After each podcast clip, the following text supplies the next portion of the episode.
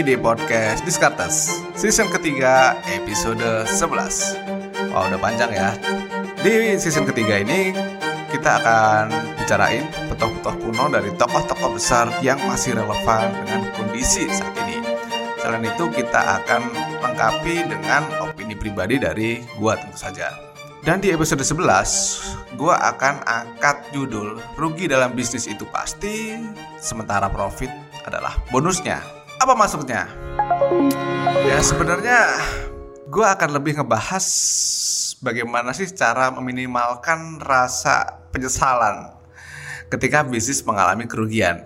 Ya kan cocok nih kondisi sekarang juga bisa dibilang banyak pebisnis baru muncul, usaha-usaha baru muncul, tapi nggak sedikit juga yang tutup sehingga masih banyak orang yang ngerasa ragu untuk membangun kembali bisnisnya. Kita tahu tidak sedikit orang yang enggan mulai bisnisnya karena takut rugi, apalagi ya sekarang kondisi ekonomi masih banyak ketidakpastian dan risiko-risikonya juga macam-macam gitu kan.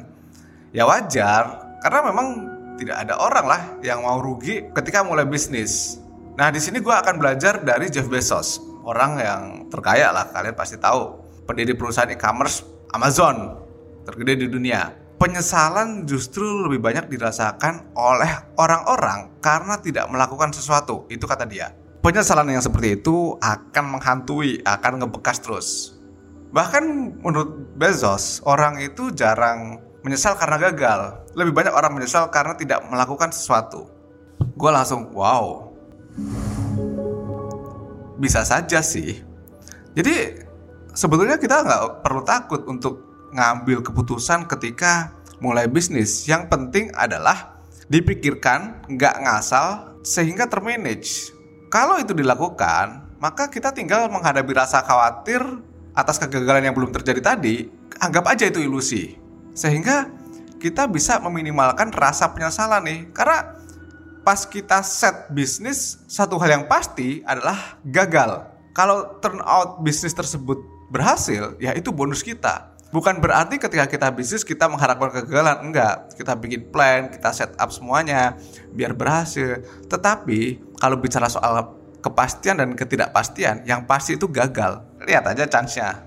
Bezos menggumamakan ya, orang yang tidak mengambil risiko bisnis tidak berani take action itu kayak suka sama orang namun nggak berani mengungkapkannya.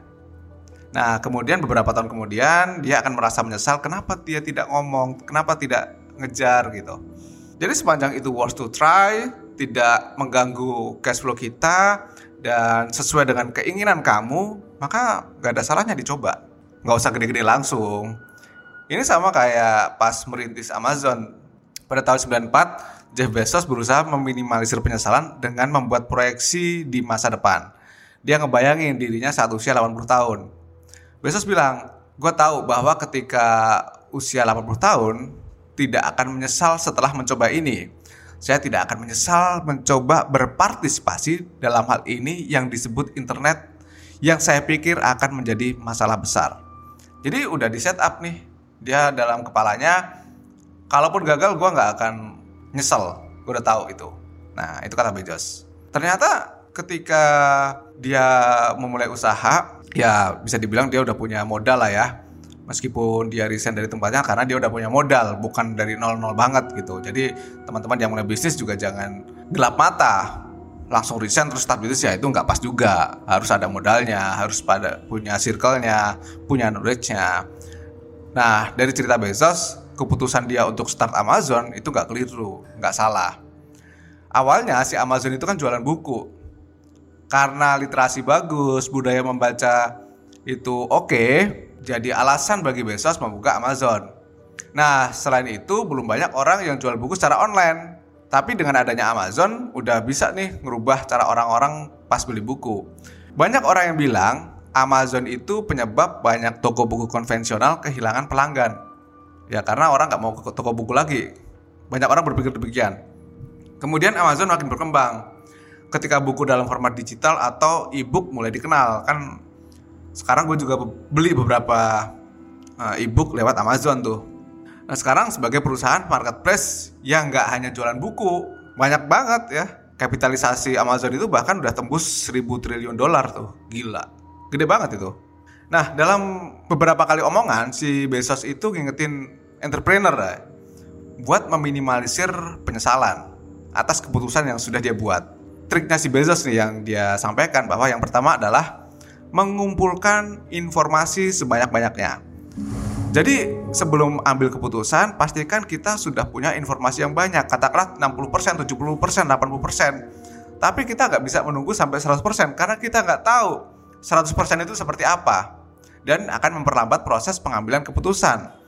Dengan informasi yang cukup, yang banyak, meskipun tidak 100%, kita analisis, kita bisa tahu nih risiko gagalnya itu seberapa panjang. Yang kedua adalah memiliki keputusan-keputusan cadangan ya. Paling tidak ada dua keputusan misalnya. Yang pertama yang bisa diubah atau dikoreksi, yang satunya ya seandainya keputusan pertama tadi salah, kita udah bisa tahu mau ngapain, escape way-nya itu seperti apa, exit plan-nya seperti apa gitu ya.